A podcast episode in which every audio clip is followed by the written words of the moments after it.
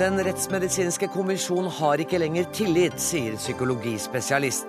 Lederen for kommisjonen svarer på kritikken i Dagsnytt 18. Statoil med nytt oljefunn i Nordsjøen. Stopp klimasviket og la funnet bli liggende i bakken, sier Framtiden i våre hender. Intriger, krangel og hardt arbeid preget TV 2s fødsel for 20 år siden. Det kan vi lese i en dokumentarbok som kom i dag.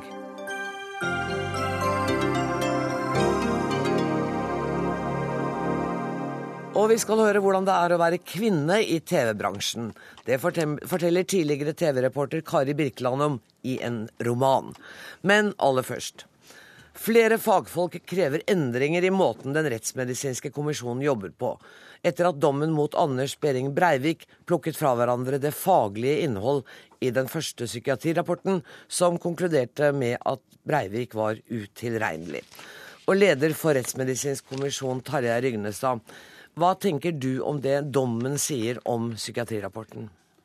Den har jo gjort en selvstendig vurdering av eh, rapporten sett i lys av de øvrige bevis i saken. Og det er jo det som nettopp er rettens oppgave. Å se på rapporten og så ta inn øvrige bevis i saken. Så retten har jo gjort sin jobb.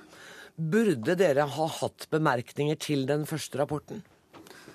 Ja, Der sier jo retten at det som den psykiatriske gruppa ment var ikke vesentlige mangler. Det vurderte retten til vesentlige mangler. Eh, og Der eh, må vi jo ta retten eh, sin bemerkning til etterretning og, og ta det på største alvor. At her har vi ikke vært gode nok. Men da går jo det her på hvilke rammer har kommisjonen for sitt arbeid. og Straffeprosessloven er jo helt klar at vi skal gi en skriftlig tilbakemelding til retten om det er vesentlige mangler. Og dere vurderte det ikke som vesentlige mangler? Nei. Og der får vi jo relativt lite drahjelp fra bl.a. Eh, forarbeider, eh, forskrift, eh, også rettspraksis om hva er en vesentlig mangel.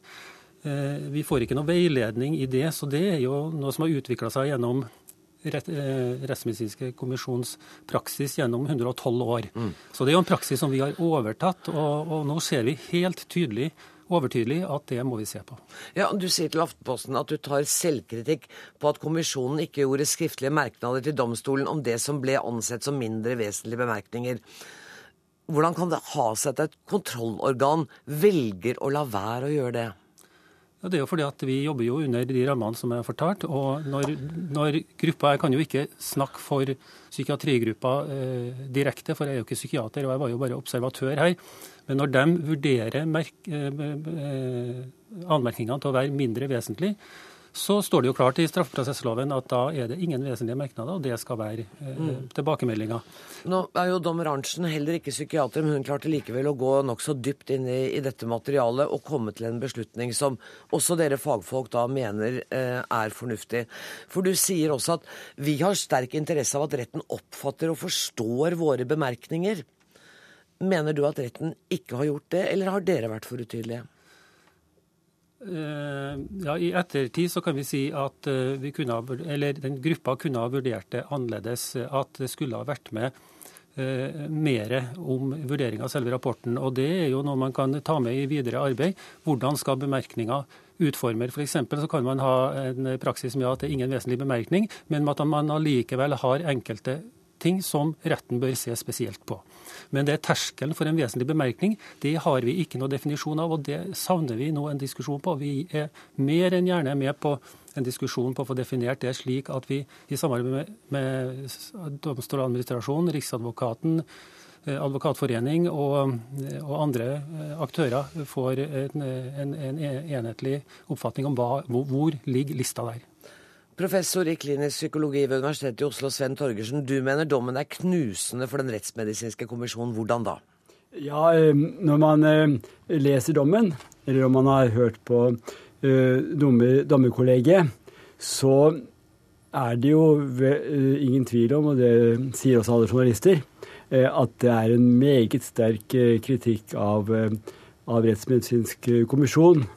På en måte så er det sterkere kritikk av dem en av de, eh, av de sakkyndige, fordi at de er et kontrollorgan som skal stå over og kvalitetssikre Uh, og det er vel riktig som også det ligger i det du tar, nemlig at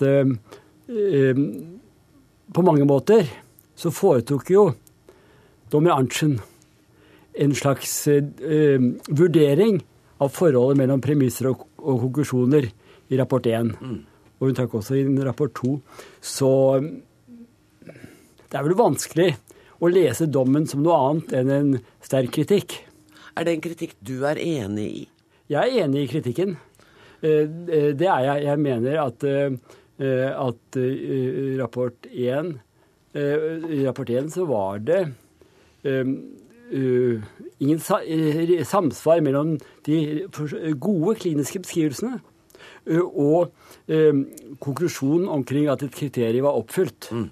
Men det, det, som jeg syns var mest alvorlig, det må jeg vel si, var at man kom med en så sterk kritikk og så, såpass forvirrende reaksjon på rapport to. Mm. Uh, forvirrende i den forstand ja, at man nekter altså, Dommerkollegiet ba jo om forklaring, mm. Så vidt jeg husker, i to henvendelser. Uh, og det var jo tydelig når man fulgte med i retten, at selv ikke den siste jeg må nesten si det, siste oppklaringen var de fornøyd med. Så det var én ting. En annen ting var at det, det kom kritikk av rapport to som etter min mening var mindre vesentlig, delvis urealistisk. Og dessuten så dreide det seg om generelle kriterier for personlighetsstyrelser, for å gå i detalj. Og det hadde ikke en direkte implikasjon for tilregnelighet. Hvilke konsekvenser bør dette få, etter din mening, for kommisjonen? Altså Der er jeg nok feilsitert, det er jo lett å si det. Men jeg, jeg tror ikke jeg sa at den skulle gå av. Uh, sånn, jeg sa tvert imot uh, at uh, det trodde jeg ikke ville skje. Jeg skjønner at Aftenposten skriver det, og gode, fornuftige kollegaer har også sagt det samme. Men jeg, jeg sa nok noe annet. Men bør det få noen konsekvenser? Det jeg sa, kan jeg gjenta det, som ikke kom frem i pressen, var at jeg tror eh, eh, folk i komiteen vil sive bort. Jeg brukte det bildet. Mm. Altså, eh, enkelte vil slutte, enkelte vil ikke bli gjenoppnevnt. Nå vil det jo uansett bli et utvalg som skal se på, på hele ordningen rundt, rundt dette sakskomplekset. Og da vet man ikke hva slags rettsmedisinsk kommisjon gruppe psykiatri vil bli. Overlege og spesialist i psykiatri ved Oslo universitetssykehus, eh, Kjersti Narud. Vi hører at mandatet eh, har gjort det vanskelig for kommisjonen. Er det en tilstrekkelig forklaring? Eh, det er iallfall en av forklaringene. Og det er jo slik at uh, dette med å vurdere uh, hvilket mandat den, altså den psykiatriske gruppe rettsmedisinsk kommisjon, det er jo flere undergrupper, men den rettspsykiatriske er en av de, hvilke de skal ha, det er det nødvendig å, å se på. Og det blir gjort nå? Det blir gjort. Altså nå har jo fagfeltet mast en del år, det har vi jo da drevet og sagt hele tiden. Nå har jo justisministeren tatt dette på Justisdepartementet tatt dette på alvor og skal nedsette en gruppe fagfolk som skal se på dette. Altså Denne gruppen vil da få et arbeidsmandat. Og i dette arbeidsmandatet så er det slik at i Norge så er det jeg jobber jo på Oslo universitetssykehus, men det er også noe som heter Kompetansesenteret for sikkerhets-, fengsels- og rettspsykiatri. Helse Vest i Bergen, Helse Midt og Nord i Trondheim og Helse Sør-Øst i Oslo. Det er tre sentra. Og vi jobber sammen uh, på mange måter med forskning og fagutvikling. Og også når det gjelder da fagfelt, de tre fagfeltene våre, uh, deriblant rettspsykiatri. I, I et sånt overordnet samarbeid som heter SIFER. SIFER.no kan man gjerne gå inn på nettsiden og se hva vi egentlig holder på med, hvis uh, folk ønsker det, og gjerne komme med innspill. Um, og vi har kommet med, altså SIFER har kommet med innspill til uh, departementet på Eh, denne arbeidsgruppen som skal settes ned, i forhold til flere punkter, deriblant også uh, kommisjonen. At man må se på kommisjonens mandat, man må se på kommisjonens arbeidsmetoder. Kanskje man skulle ha fagfellevurderinger osv. Og, så og kanskje skulle det være en annen måte å, å altså en, en, bredere måte å organisere det på. Igjen denne etterprøvbarheten som vi har etterlyst i det kliniske rettspsykiatriske arbeidet. Det må også inn i kommisjonsarbeidet. Og da, så vi ønsker det selv, fagfeltet, at at vi skal få eh, lov til å gjøre det, og at departementet ser på dette. Men det er altså Justisdepartementet som må legge mandatet for den, retts, øh, den øh, rettsmedisinske kommisjon, og derav også psykiatrisk gruppe. Ja, nettopp. Det, men det vil jo da skje på bakgrunn av råd fra fagmiljøet, Ja. vil jeg tro. Så det skjer jo ikke. For du må jo være enig, eller dere må vel alle være enige, den forvirringen som oppsto for oss ikke-fagfolk da vi satt og hørte dette i rettssalen, det var jo nesten så vi ikke trodde det vi hørte. Nei, det skjønner jeg. Eh, Og eh, det er så lett å si at når man har eh, vært vant til å få slike tilbakemelding i- årevis, så vet man det. Men vi har, vi har en, et pedagogisk problem Ja. i rettspsykiatrien. Det gjelder både den kliniske rettspsykiatri og det gjelder den rettspsykiatriske gruppe. Og det, altså det er ikke vanskelig å skjønne det. Mm. Vi bør ikke gå i forsvar på det, men se at det, sånn er det. Men vi kan ikke gjøre sånn nå. Nei. Altså, men vi må, det må endres. Altså, det må bli bedre. Rynes, er du også enig i at det er et eh, pedagogisk problem her? Ja, det er klart Vi må forbedre oss på det. Hvordan har dere tenkt å jobbe med det? Ja, for det, det første vi har tenkt er jo å samle alle grupper. Eh, Du må jo også se på at det her er jo en, ikke bare psykiatri. Det er mange grupper Ja, som har en, har en, en, en, en tilbakemeldingsrutine som vi har arva og som har utvikla seg over 112 år. Så vi må gjøre det her i fellesskap. Så må vi jo se på hvordan er tilbakemeldingsrutiner, hvilke, hvilke eh, tilbakemeldingsrutiner får vi for retten, og hvordan kan vi forbedre. Så må vi gå i dialog med dem som bruker våre tjenester, nemlig Domstoladministrasjonen, domstoladministrasjon, riksadvokat og advokatforening, for at vi skal gjøre oss forstått. Vi må være i dialog. Går det an å snakke med helt vanlige folk også? Faktisk. Ja, jeg fikk jo en e-post her fra en mann i gata, så ja, Ja. gjerne. Tror tror ikke det er sånn. Uh, Jusprofessor ved Universitetet i Oslo, Ulf Stribekk. Trenger vi denne kommisjonen? Ja, det tror jeg. Eh, vi trenger kvalitetssikring, vi, vi, vi trenger eh, kontroll. Eh, men om den bør se ut som den gjør, og under det mandatet den har, det kan man jo diskutere. Så du er også enig i at mandatet er det problematiske her? Ja, altså, jeg syns slik mandatet er i dag, det med ingen vesentlige bemerkninger osv., er veldig stramt. Eh, som i Danmark så gir man mer utfyllende kommentarer og vurderer. Eh, og vi har jo opplevd i, i denne saken at eh, begge to premisser og konklusjon hengte ihop på den ene, premisser og konklusjon på den andre. Og det er jo vanskelig å begripe. Eh, og begrepet vesentlige begrenser også kommisjonens mulighet å, å sette finger på de mindre vesentlige bemerkningene. Så jo, jeg, Men samtidig så er det jo her en uenighet da, mellom domstol og eh, kommisjon på hva som er vesentlige og uvesentlige merknader. Ja, men da kan jo kommisjonen bidra med å i hvert fall løfte fram de mindre vesentlige også. Mm. Dere har laget eh, en punktliste over hva dere skal eh, forbedre. Vi rekker ikke å ta alle, men hvis du skal ta ett, hva er det aller viktigste av dine forbedringspunkter? Ja, det er ikke mine. Vi er jo to psykiatere, to psykologer og jeg som er jurist. da. Eh, jeg syns vel, eh, og da går vi bort fra den rettsmedisinske kommisjonen, så det man bør se på er det medisinske prinsippet som er et problem i, i Norge. Det er at diagnosen er styrende for eh, Bare forklar kort hva det medisinske prinsippet er, sånn at alle er med oss. Eh, man har en diagnos, psykose, og per definisjon er da vedbørende vedkommende eh, utilregnelig for den handling. Men man kan jo faktisk tenke seg at man har en psykose og vet hva man gjør. Den prinsippen det blandede har, man i, i Sverige. At det skal være eh, kausalitet, årsakssamband mellom diagnose og handling. Sånn Så du vil at det skal være vanskeligere å bli erklært utilregnelig? Ja. Ja. Hvordan, hva, Naru nikker.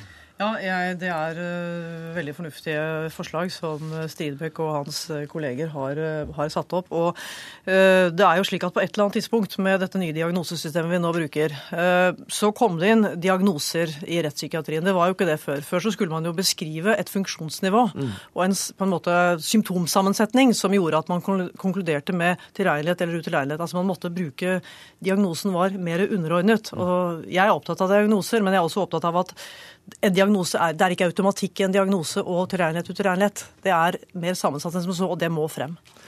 Eh, Aftenposten har en leder i dag som er ganske nådeløs mot eh, kommisjonen, og der skriver avisen Kommisjonens psykiatriske gruppe samt kommisjonslederen kan gjøre samfunnet den tjeneste å trekke seg. Rygnestad, er det noe du har vurdert? Nei, Der forholder jeg meg til min oppdrag, oppdragsgiver, som er departementet. Og så vidt jeg har lest, så sitter du i, som kommisjonsleder fram til 1.4.2015, stemmer det? Ja, ja. Og innen den tid så vil eh, både kommunikasjonen og det pedagogiske problemet være løst? Vi tar kritikken her på det største alvor. vi Selvsagt vil vi gjøre vårt maksimale for å prøve å forbedre det her. Det var så vel langt vi kom i denne utgaven av Dagsnytt 18. Tusen takk for at dere kom. Terje Rygnestad, Svein Torgersen, Kjersti Narud og Ulf Stribekk. Hør Dagsnytt 18 når du vil, nettradio eller som podkast. nrk.no – dagsnytt 18.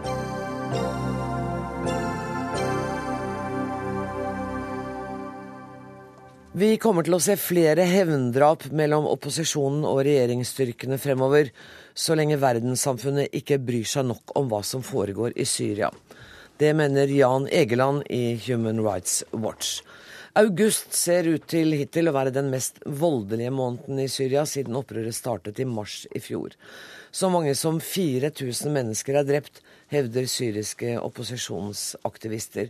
Og i dag ble et helikopter fra regjeringsstyrkene i Syria skutt ned. Jan Egeland, direktør for uh, Human Rights Watch. Um, I Søndagsrevyen i går så sa du, jeg håper jeg siterer deg riktig, noe sånt som at uh, massakren i Daraya bærer preg av at det er regimet som står bak. Uh, men vi kan komme til å se grusomheter også fra opprørssiden. Hvilke tegn er det som tyder på det?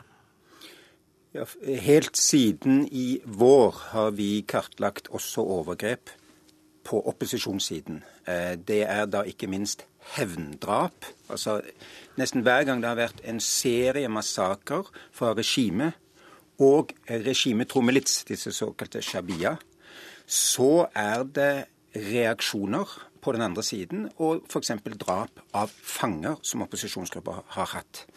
Men jeg tror det er galt å si at det er to likeverdige parter og like klanderverdige parter som står mot hverandre. Regimet startet dette. Regimet drev dette til enorme høyder av slakterier. Og høster på mange måter, som de nå sår, ved at dette har blitt en spiral av drap, hvor de ulike sekter og religiøse grupper og kulturelle grupper står mot hverandre. Og det er jo sånn at når vi ser disse bildene og hører lydene, vi ser sivile som løper og, blir skutt etter, så, så er det allikevel så underlig å tenke at for det første så er det liksom ikke en humanitær aksjon som alle uh, er opptatt av. Og det er i hvert fall ikke en situasjon som stormaktene klarer å gjøre noe med. Skal dette bare fortsette? Altså, Jeg er redd for at det kommer til å bli enda mye verre. Så det har blitt verre faktisk omtrent hver eneste måned nå i ett og et halvt år. Og siden mars, april, mai, nå før sommeren, har det, har det bare blitt forferdelig. Hola-massakren var 25. mai. Siden det har de store massakrene kommet stadig oftere. Og jeg tror en hovedfeil man gjør, er at man nærmest ser på dette som en naturkatastrofe. Her, her er det, Syria er liksom kastet inn en slags tsunami. La oss prøve å hjelpe dem litt eh, etter hvert. Men vi kan ikke gjøre noe. Dette er en menneskeskapt katastrofe fra A til Å. Det var et regime som begynte å skyte på fredelige, ubevæpnede demonstranter. Etter hvert nå har det blitt en borgerkrig, og nå står stormaktene på hver sin side og pumper inn våpen. Og, og, og, håper og tror at det er en militær løsning. Selvsagt er det ikke en militær løsning. Dette vil kunne bli en, en borgerkrig, gate mot gate, landsby mot landsby, som kan komme til å holde på i årevis. Men har vi vi ser jeg som om jeg skulle ha noe makt. Men det, finnes det ingen maktmidler? Det har vært pekt på Russland, eh, som ikke har villet eh, støtte Sikkerhetsrådet i deres arbeid her. Men går det an å gjøre noe? Har man sanksjoner overfor Russland? Kan man tvinge dem over på riktig side? Hva vet jeg? Altså jeg mener det, det, må, det må enormt mye klarere plasseres i russernes, kinesernes, iranernes, venezuelanernes, alle, eh, eh altså blant de landene som holder dette regimet flytende økonomisk og til dels militært.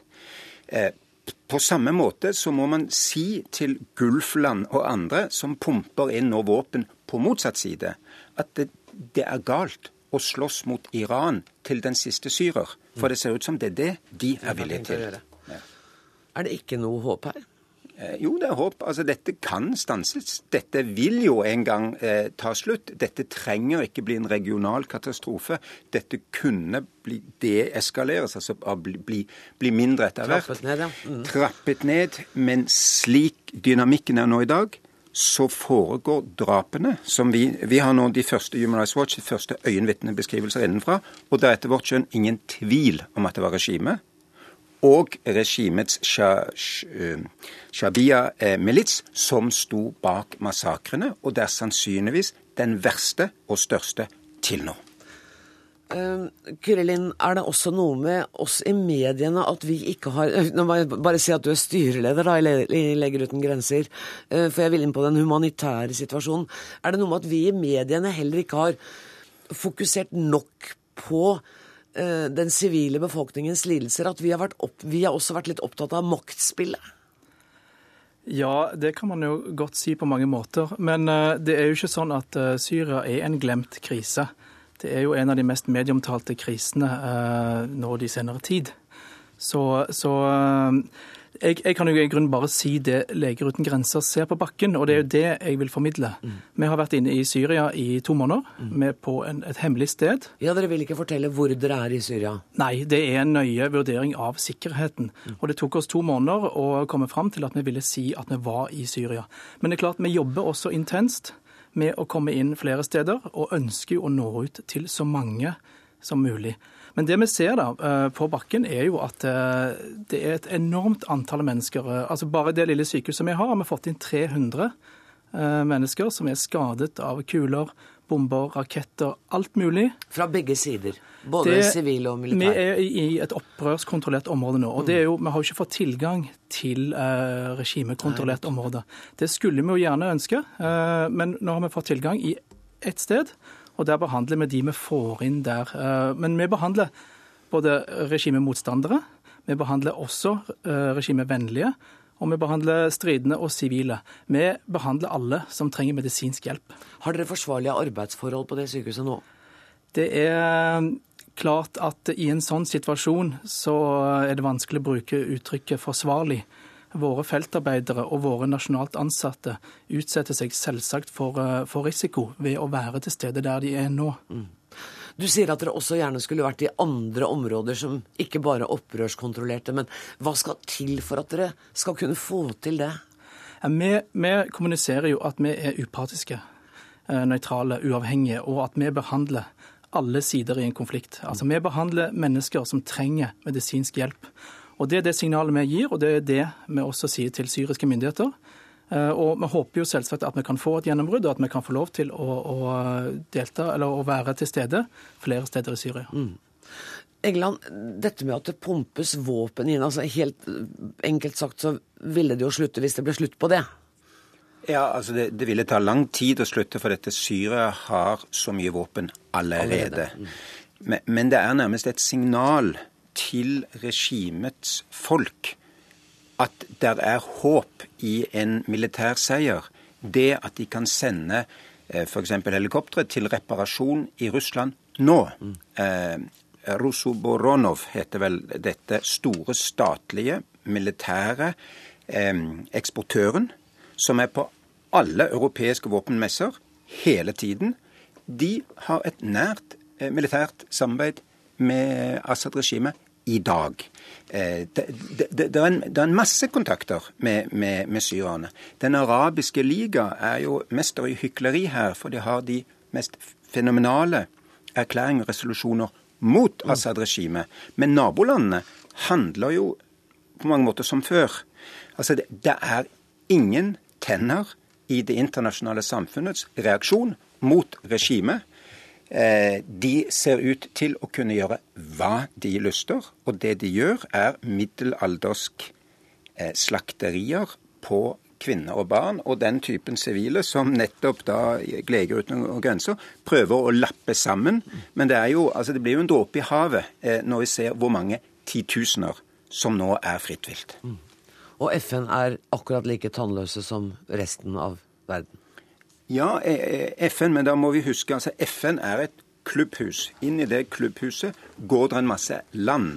De landene har bestemt seg for å krangle og drive med all slags spill, altså hvor, hvor det er en, en bakenforliggende konflikt altså mellom Iran og Saudi-Arabia, om en vil. Mellom shia og sunnier. Og alawittene, som Assad-regimet går ut ifra, eh, står på shia-siden. Eh, hvem lider?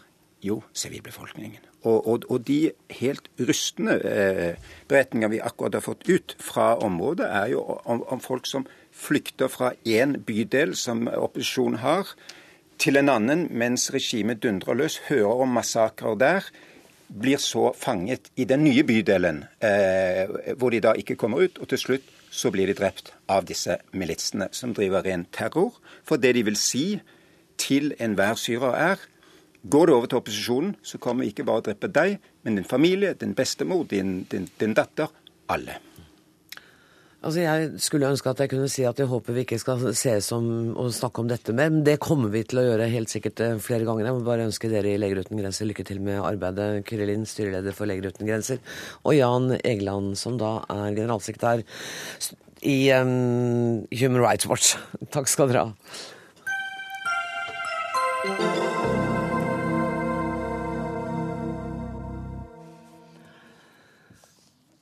Hun er 19 eh, år og på vei inn studio akkurat nå. I dag kommer boka hennes 'Jeg er Prablin'.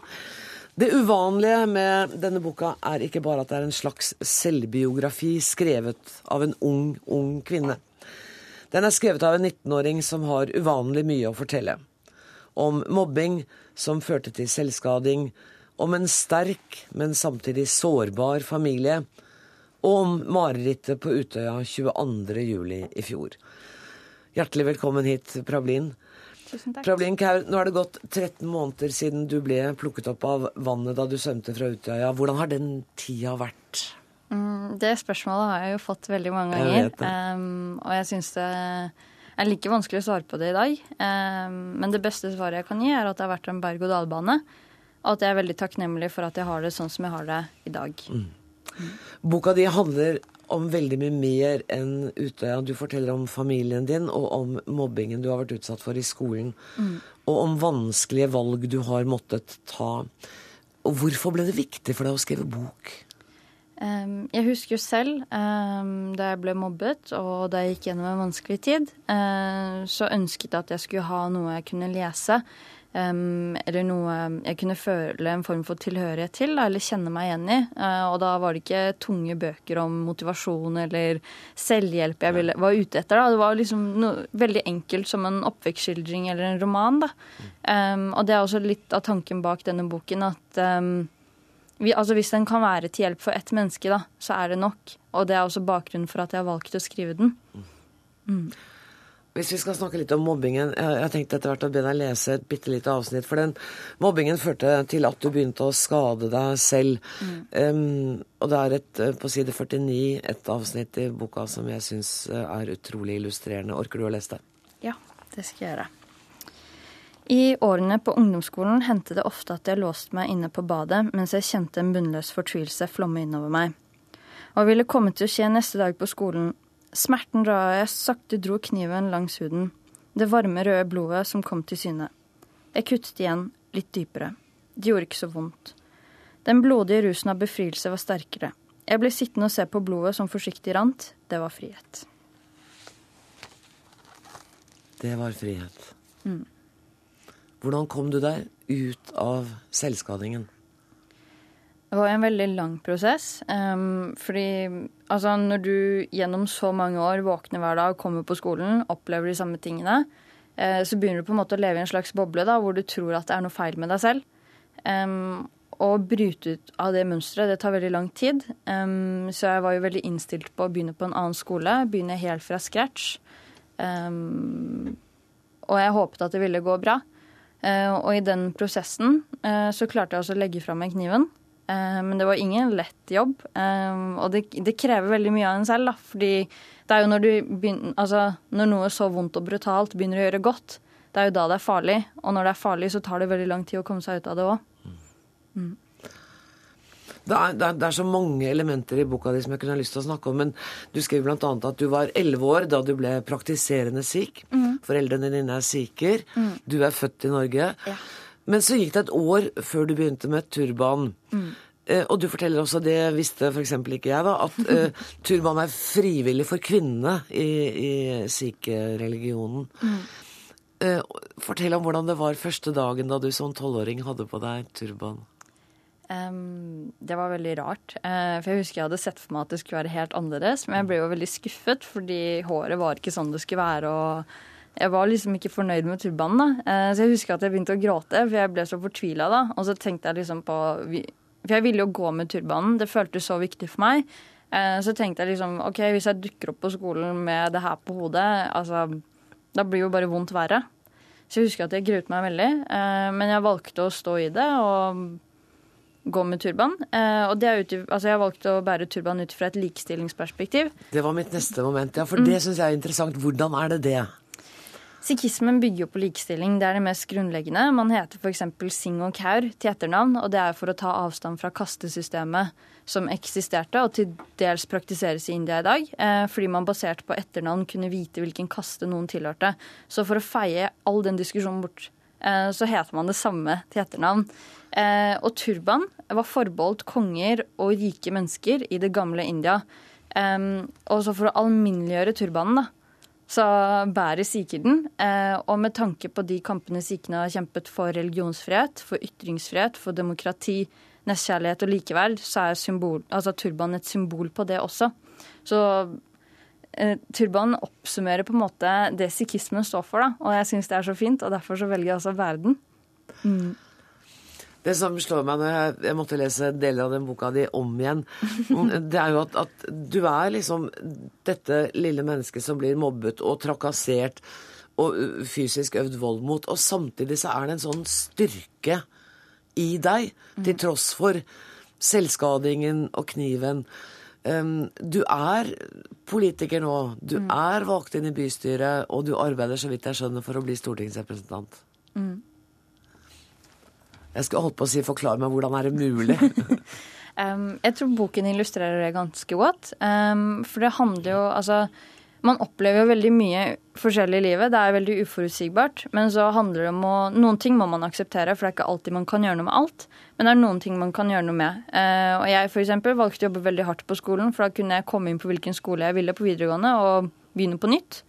Uh, og jeg var altså det er mange som spør sånn, ja, men skulle du ønske at du ikke opplevde det du opplevde?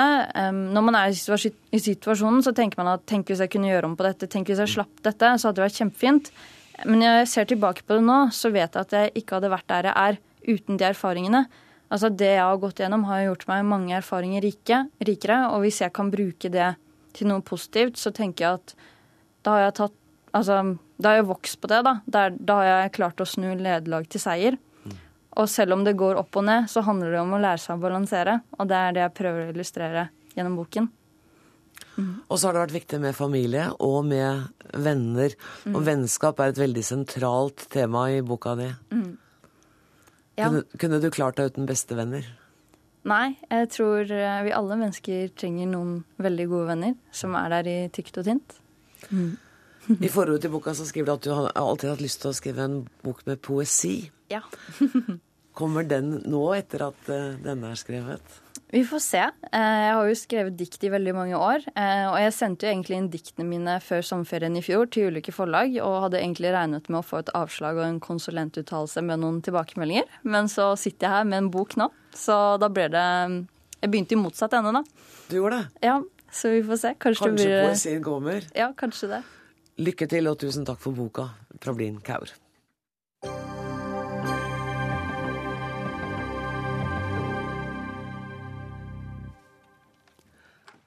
Da skal vi skifte tema og snakke om Statoils nye oljefunn her i Dagsnytt 18. Statoil har sammen med flere partnere gjort funnet som ligger nært det store Johan Sverdrup-feltet på Utsirahøyden i Nordsjøen. Og Jannik Lindbekk Junior, du er informasjonsdirektør i Statoil. Dagens funn er en gladmelding for hele nasjonen. Det sa avdelingsdirektør i Det norske oljeselskap til Aftenposten tidligere i dag. Hva sier du?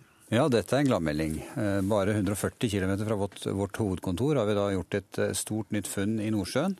Og dette er eh, noe som bekrefter at det fortsatt er et stort potensial i selv de modne delene av, av Nordsjøen. Og dette er det nest største funnet i denne delen av, av vår sokkel de siste tre år. Sånn at sammen med Johan Sverdrup, hvor, hvor mye utgjør det da, liksom? Nei, Dette nye funnet er i størrelsesorden 140 til 270 millioner fat. Og Jeg skjønner ikke helt. Det er, er et betydelig funn. Ja, og og hvor mange fat produserer vi nå f.eks. i året? Nei, I året så produserer Statoil om lag 1,4 millioner fat per dag. Ja, nettopp. Um, Geitungen-prosjektet ligger altså et steinkast unna Johan Sverdrup. Um, det, kan det være ett og samme felt? Kan det henge sammen? Det ser vi ikke bort fra. Og, men det trengs uh, flere undersøkelser til for å slå fast hvorvidt det er tilfellet. Men det er grunn til å anta at det er en sammenheng. Disse tingene ligger jo uh, nært ved hverandre. Fremskrivingen til nå viser jo at uh, olje- og gassproduksjonen i Norge kommer til å falle drastisk fra ca. 2020. Påvirker dette funnet den framskrivningen? Dette er jo et, et, funn som er stort, men allikevel så vil fallet på norsk sokkel etter 2020 være av en betydning som gjør at vi er nødt til å finne mye mer enn dette for å opprettholde produksjonen på det nivået som vi har i dag.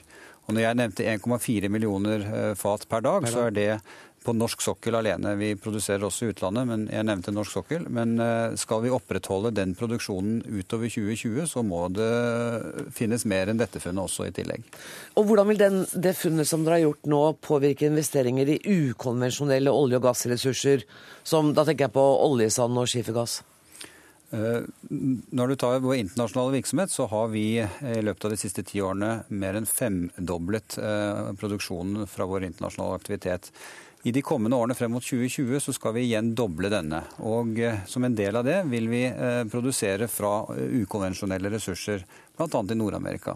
Så dere vil ikke redusere aktiviteten på det? Nei, det er jo en viktig del av fremtidens energiforsyning. Hvis du ser på USA, så spiller jo skifergass en, en viktig rolle. Og det har jo også en positiv klimadimensjon i at for første gang på veldig lenge i hvert fall, så har CO2-utslippene i fjor gått ned i USA. Og det skyldes introduksjonen av gass og veksten for gass. Marit Kristine Vea, du er rådgiver i Framtiden i våre hender. Dagens funn er en gladmelding for hele nasjonen, hører vi. Hva er din reaksjon? Ja, det er definitivt ikke noe gladmelding for oss, i hvert fall. Og det er ikke noe gladmelding for klimaet. Olje og gass står for 80% av de globale utslippene, og jo mer olje og gass vi finner, jo større blir utslippene. De må ned til null, omtrent, når vi kommer til 2050. Og da er det åpenbart at det her ikke er noe gladmelding.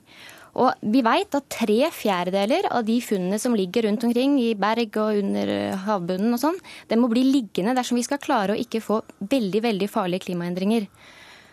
Og da sier det seg selv da, at noe må bli liggende, og jeg mener jo at Norge bør gå foran og la mer bli liggende, og i hvert fall ikke kalle dette her en gledens dag.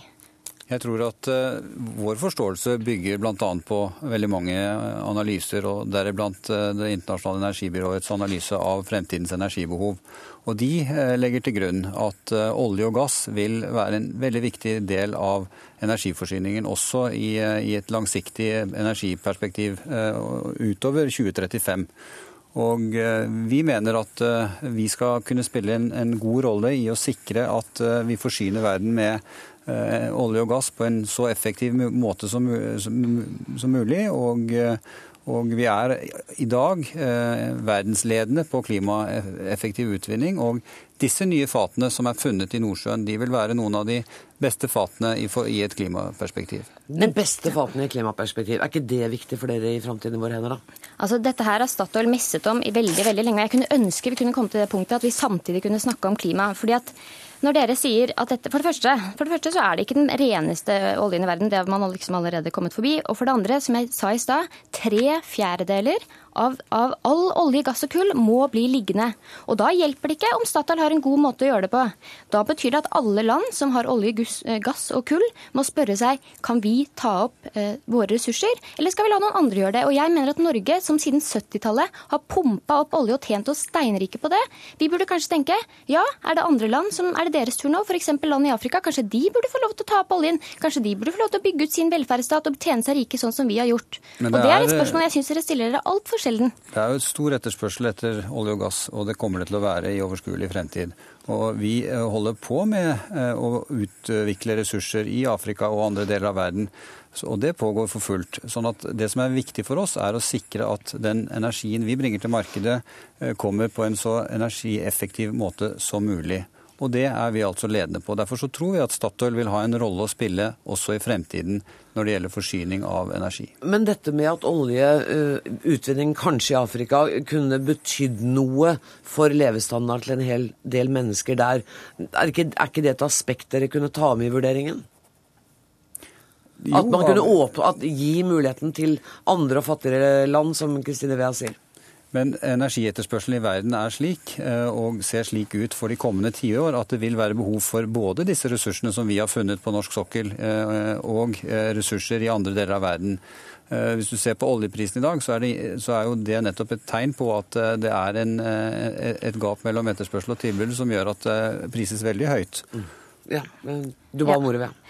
Det, altså, det, er ingen tvil om at verden trenger energi. Vi trenger energi, og de fattige trenger energi. Men vi trenger fornybar energi. Og er det én ting fattige land ikke trenger, så er det økte klimagassutslipp. De er aller mest sårbare. Det er dem det går utover. Og pumper vi opp mer olje og gass, er det akkurat det de får. Men vi kan ikke slå av energiforsyningen eh, slik den er eh, sammensatt. Og olje og gass vil som sagt spille en viktig rolle. Og så er det også slik at du nevner olje, gass og kull i samme åndedrag. Mm. Hvis du erstatter kull med gass, så kan du redusere CO2-utslippene med 70% og som jeg viste til, så har vi allerede sett effekten av introduksjonen av skifergass i USA. Sånn at eh, her er det mulig å ha to tanker i hodet på en gang. Vi greier å jobbe for et bedre klima, eh, og samtidig eh, ta i bruk fossile brensler i, som en del av en større energimiks, der også fornybar vil spille en, en, rolle, selvfølgelig. Jeg må bare registrere at heller ikke i dag klarte Dagsnytt 18 å skape full enighet mellom Statoil og Framtiden i våre hender. Jeg sier takk til Mari Kristine Vea i Framtiden i våre hender og Jannik Lindbekk, informasjonsdirektør i Statoil.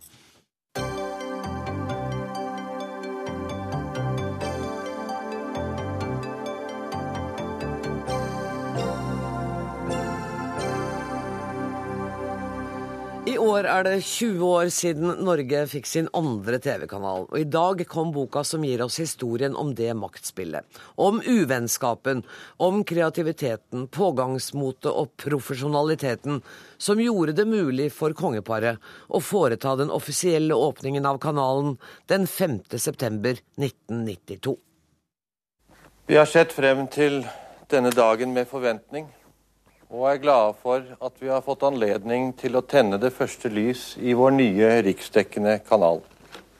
Her på Skaugum ønsker vi at TV 2 må bringe både informasjon, glede og rike opplevelser til oss alle. På vegne av dronningen og meg selv erklærer jeg herved TV 2 for åpnet. Ja, sånn hørtes det ut. Det ble tent med en liten fyrstikk, så vidt jeg husker. Gøran Skålmo, eh, journalist og forfatter, eh, og en av to forfattere til boka 'Se hva som skjedde'. Har det vært vanskelig å få de viktigste folka til å snakke? Uh, om det har vært vanskelig for folk til å snakke i en kanal der jobber hundrevis av bergensere?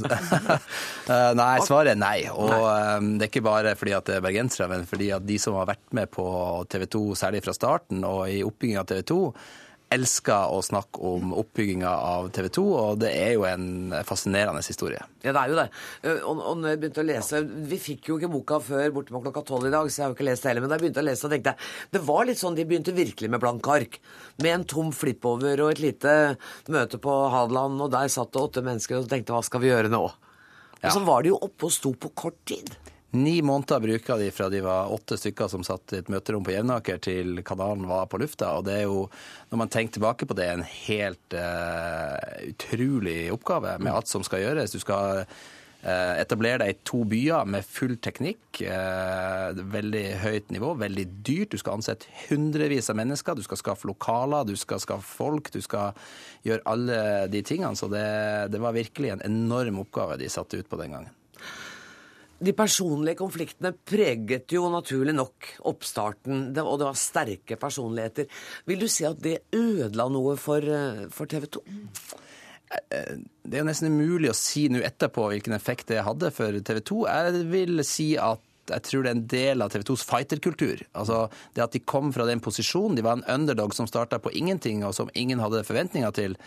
og som bare hadde forbanna seg på at de skulle slå NRK i støvlene, det skapte en egen kultur som skaper masse fighter spirit og masse endorfiner og alt dette som er rundt. Når det er sagt, så vi, eh, Altså de aller fleste land så har den kommersielle kanalen som får eh, sånn allmennkringkasterlisens, blitt større enn Rikskanalen. Altså, etter alle solemerker skulle TV 2 vært større enn NRK, sånn som TV4 er det i Sverige, og TV 2 i Danmark er det over Danmarks Radio. Eh, Det har de ikke klart. Eh, Om denne konfliktkulturen er grunnen til det, er veldig vanskelig å svare på. Mm. Og når de da skulle slå NRK ned i støvlene, så var det jo fordi at Bjørn Atle Holter Hovin henta jo en hel haug med NRK-folk over til den eh, redaksjonen, eller til den stasjonen. Det var jo sånn at vi som satt igjen her, følte oss litt som tapere. Ja, han henter vel egentlig mest radiofolk, faktisk. Ja, Så, det har vi jo eh, alle vært. Det har vi alle vært, men uh, det var også veldig viktig fordi at det ikke skulle være NRK.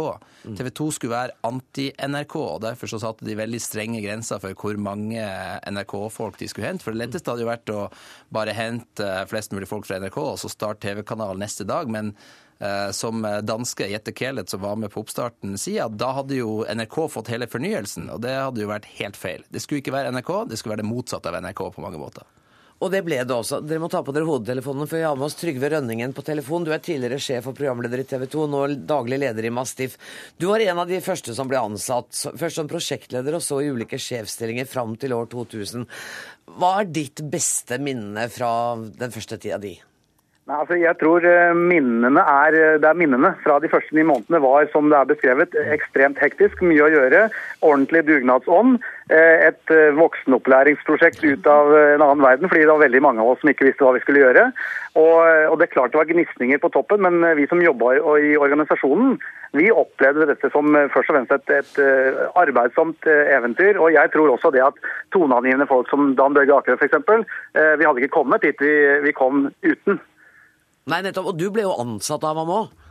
Ja, jeg var jo VG-journalist som plagde den med, med hva som TV 2 skulle bli. Og så øh, mente han at jeg burde skifte side og heller bli med å lage kanalen. For han hadde ikke folk til å, til å lage, lage kanalen, som han sa. Så kan ikke du heller bli med å lage TV 2. Så jeg ble jo rekruttert på en litt spesiell måte. Men, øh, men det var jo en del av dette eventyret. Det at det skjedde ting fort. Man skjøt fra hofta og gjorde masse feil, og vi fikk lov til å gjøre masse feil. Du ble ansatt av ham, men så gikk du sammen med Finn Andreassen, som var på en måte Dan Børges Akerøs eh, motstander og motpol. Hva var det som eh, fikk deg til å gå omtrent på dagen? Ja, altså det, Den historien er nok litt uh, unyansert fortalt. og Det var ulike begrunnelser som, eh, som gjorde at noen forlot skuta på den tida jeg gjorde det. Uh, og For mitt eget vedkommende handla det litt om, eh, om hvilken posisjon jeg hadde i, i kanalen. Eh, og så var det andre som hadde andre mer personkonflikter. Jeg hadde ikke en sånn type personkonflikt som bakgrunn for, for min sorti. I dag lanseres det vær med oss, i dag lanseres det nemlig også en annen bok, denne gang en roman med miljø og hentet fra én kommersiell TV-stasjon. TV-stasjonen heter TV1 i, i boka. Velkommen, forfatter Kari Birkeland. Takk. Du har selv erfaring som eh, TV-medarbeider i mange år. Men boka har du skrevet sammen med Mette Antun. Um, er det en nøkkelroman? Eh, ja og nei. Det er klart Vi hadde ikke kun skrevet denne boken hvis ikke vi hadde jobbet over 25 år som journalister. Og vi har jobbet 17 år i TV 2 begge to. Men eh, dette er som du selv sier en skjønnlitterær roman, så det er fantasi. Noe er naturligvis eh, opplevd selv, og noe er historier vi har hørt fra andre. Men Denne det- boka heter jo 'Emmas av vekke' og handler om en kvinne som kommer inn i TV1 så i en lederposisjon, får sitt eget program. Og blir altså utsatt for intriger og snubletråder så du nesten ikke har sett maken. Eh, Dette må jo være basert delvis på personlige erfaringer. Vi prøver å beskrive en kultur der det er mange store egoer og mange spisse albuer, og der det handler om posisjonering og det å komme seg opp og fram. Og vi tror jo at eh, en sånn kultur er spesiell i TV-bransjen. Kanskje mye mer enn f.eks. hvis du jobber i avis, fordi det er så mange som slåss om å være i rampelyset. Vi ønsker å skrive mye om makt og hoffen rundt makten. Og vi ønsker å skrive noe om eh, denne bransjen på godt og vondt, eh, og at det har en pris. Det koster. Det er, det er nesten sånn som når du leser sånne advarsler mot å, å, å ta narkotika. For det, det, er liksom, det er mye deilig, og så er det mye Ja, fælt. Men sånn er det jo. Altså, det er det vi ønsker å beskrive, at det er faktisk eh, Ja, det å få kicket på sending og være ute på reportasjereise med verdens beste fotograf. eh, Men vi, vi beskriver jo også en, en, slags ukultur. Vi har satt det veldig på spissen, eh, syns vi selv, altså i forhold til dette med at det er eh, menn som sitter på toppen og har de avgjørende maktposisjonene, og at det er et hoff rundt mennene. Det, å, det er de som har sjargongen og kulturen. Men det som er veldig overraskende, syns vi, er at det vi syns vi har satt på spissen, nå når vi blir intervjuet eh, om boka vår, så nikker alle gjenkjennende. Gjør Og, det. og det er veldig mange kvinner som intervjuer oss. Eh, Jeg vet ikke, Er det slik at kvinnelige journalister fortsatt skriver mye om eh, litteratur? I hvert fall. Alle nikker gjenkjennende, og alle sier ja, men virkeligheten er jo mye verre. Er det virkelig sånn? Og dette er jo en offentlig kjent hemmelighet. Trygve Rønningen, at det er vanskelig å være kvinner, og at, at eh, sjefskulturen eh, kan være mannssjåvinistisk. Kjenner du deg igjen i det? Ja, og det tror jeg er sånn i mediebransjen som det er i næringslivet ellers. At det, er, det kan være en kjekkaskultur, og, og det kan man ikke nekte for at heller eh, ikke TV 2 hadde vel altså TV 2 hadde vel også en, en del av den kulturen. Det, det er jeg helt sikker på. Er den Men, eh, gått over nå? Det vet jeg ikke. Nå er ikke jeg TV 2 lenger. Men, eh, men jeg, hvis du ser sammensetningen av, av ledelse i norske bedrifter, så er jo den fortsatt mannsdominert. Og ut av det så kan man vel kanskje utlede at, at det fortsatt er litt sånn. Hvis du skal gjette, Skålmo, hva tror du? Har, er sjefskulturen radikalt forandret i TV 2 i løpet av disse 20 årene? Hvis man ser på det ytre, så ser man at under Alf Hildrums regime så er det kommet mange flere kvinnelige sjefer. Det er kvinnelig eh, programdirektør, det er kvinnelig finansdirektør, og det er ikke bare den tradisjonelle personalsjefrollen som det var mange år i, i TV 2. Så på det ytre er det i hvert fall endra. Når det er sagt, så tror jeg at maktbasen i TV 2 og de uformelle maktsirklene i TV 2 fortsatt er veldig mannsdominert. Og det tror du også, Kari? Ja, det tror jeg. Ja. Men eh, når dere, hvordan kom dere på ideen at dere skulle skrive en roman med fragmenter av ting dere hadde opplevd, da? Ja, Mette Anton og jeg jobbet eh, sammen som sagt i 17 år. De siste fem årene jobbet vi i samme redaksjon, og noen ganger ristet vi på hodet og bare sa herregud, dette er så sprøtt, noen burde skrive en bok. Mm. Men jeg må bare si at nå høres det ut som vår bok kun handler om intriger og slemme sjefer og maktkamp og sånn. Det handler om kjærlighet og utroskap Ja, og sex, fami. Ja, familieliv kontra arbeidsliv, og hvordan denne jobben vokser seg nesten larger than life. Men den er glamorøs, for det handler jo mye om å ha de riktige designjakkene, veskene, skoene, Ja, ja. være sminket. eh, Ja. ja. Ja, det er jo det er viktig å ta seg ut. Ja. Særlig i HD. Det kalles jo HD-sminke i dag. ja. Var dere noen gang i tvil om, om, dette, her- om, eh, om dette ville angå oss andre? At det var et tema som ville fenge oss? Jeg, eller vi tror at dette angår veldig mange, og det er jo de tilbakemeldingene vi får. Og dette er jo ikke noe som er forbeholdt vår bransje. Dette er jo eh, ting folk kjenner seg igjen i. Det fins gutteklubber overalt, og det fins damehoff eh, de stedene hvor det i de få tilfellene det er kvinner som sitter med maktposisjonene.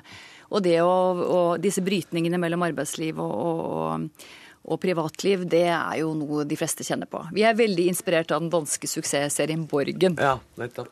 Skålmann, nå har du skrevet, eh, sammen med din kollega Bjørn Ekeblad, skrevet boka om TV 2. Inn her kommer eh, kringkastingssjefen. Er, er det neste prosjektet ditt å skrive en bok om NRKs indre liv? Tror det holder med ei bok da.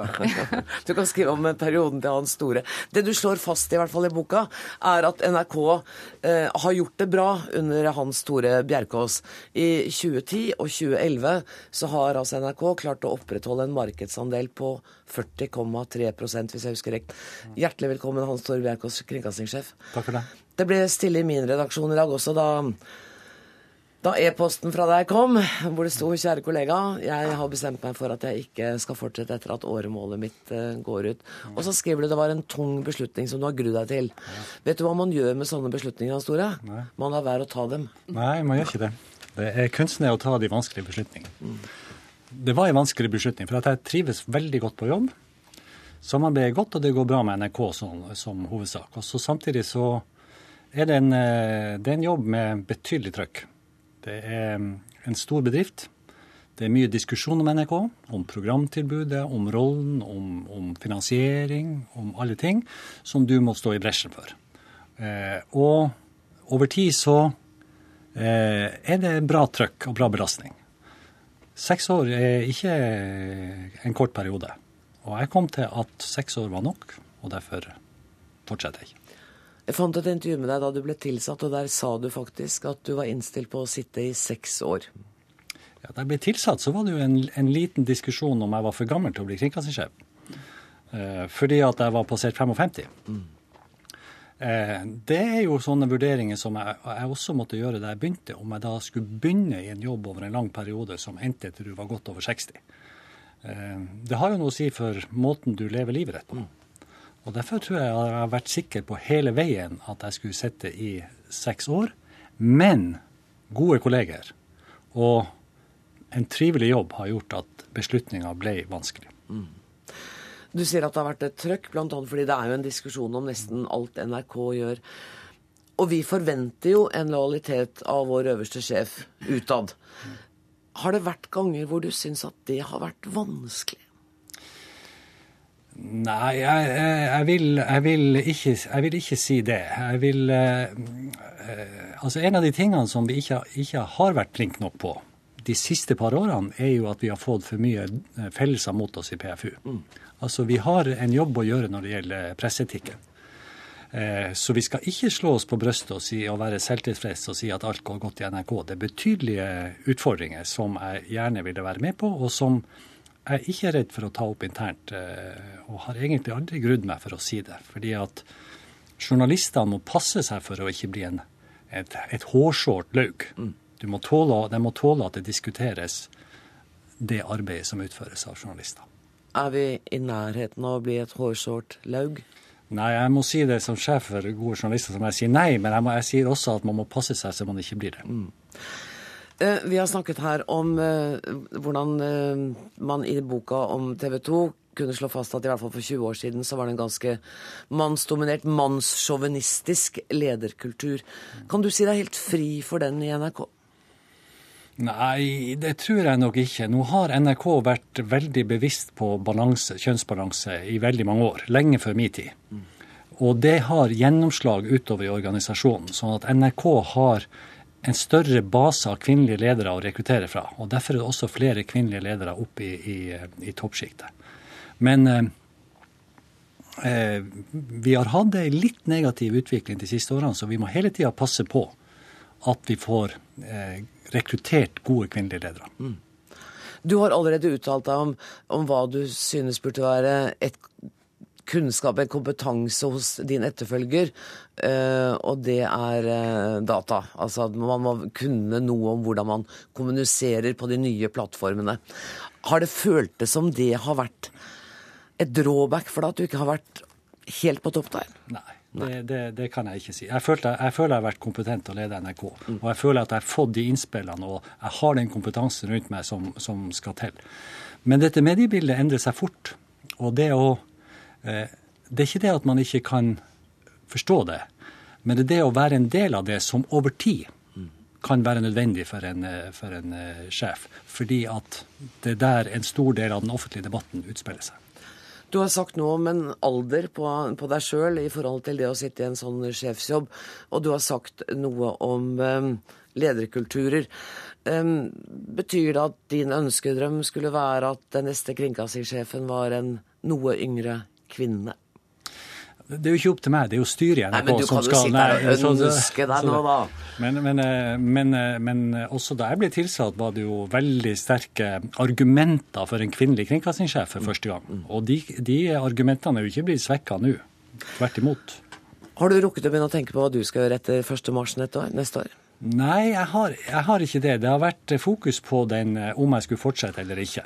Og så er jeg arbeidsfør er arbeidsvillig, og så får jeg se om det er noe som noen som har bruk for min kunnskap. Og... Det er alltid plass i Dagsnytt 18-redaksjonen, det kan jeg love deg. Når som helst, Hans Tore Bjerkås. Ja, eller bare ikke på denne stolen. Uh, vet dere hva, Vi nærmer oss slutten på denne sendinga. Jeg må si takk til Gøran Skålmo, Trygve Rønningen, Kari Birkeland og kringkastingssjef Hans Tore Bjerkås. Ansvarlig for denne sendinga har vært Sara Victoria Rygg.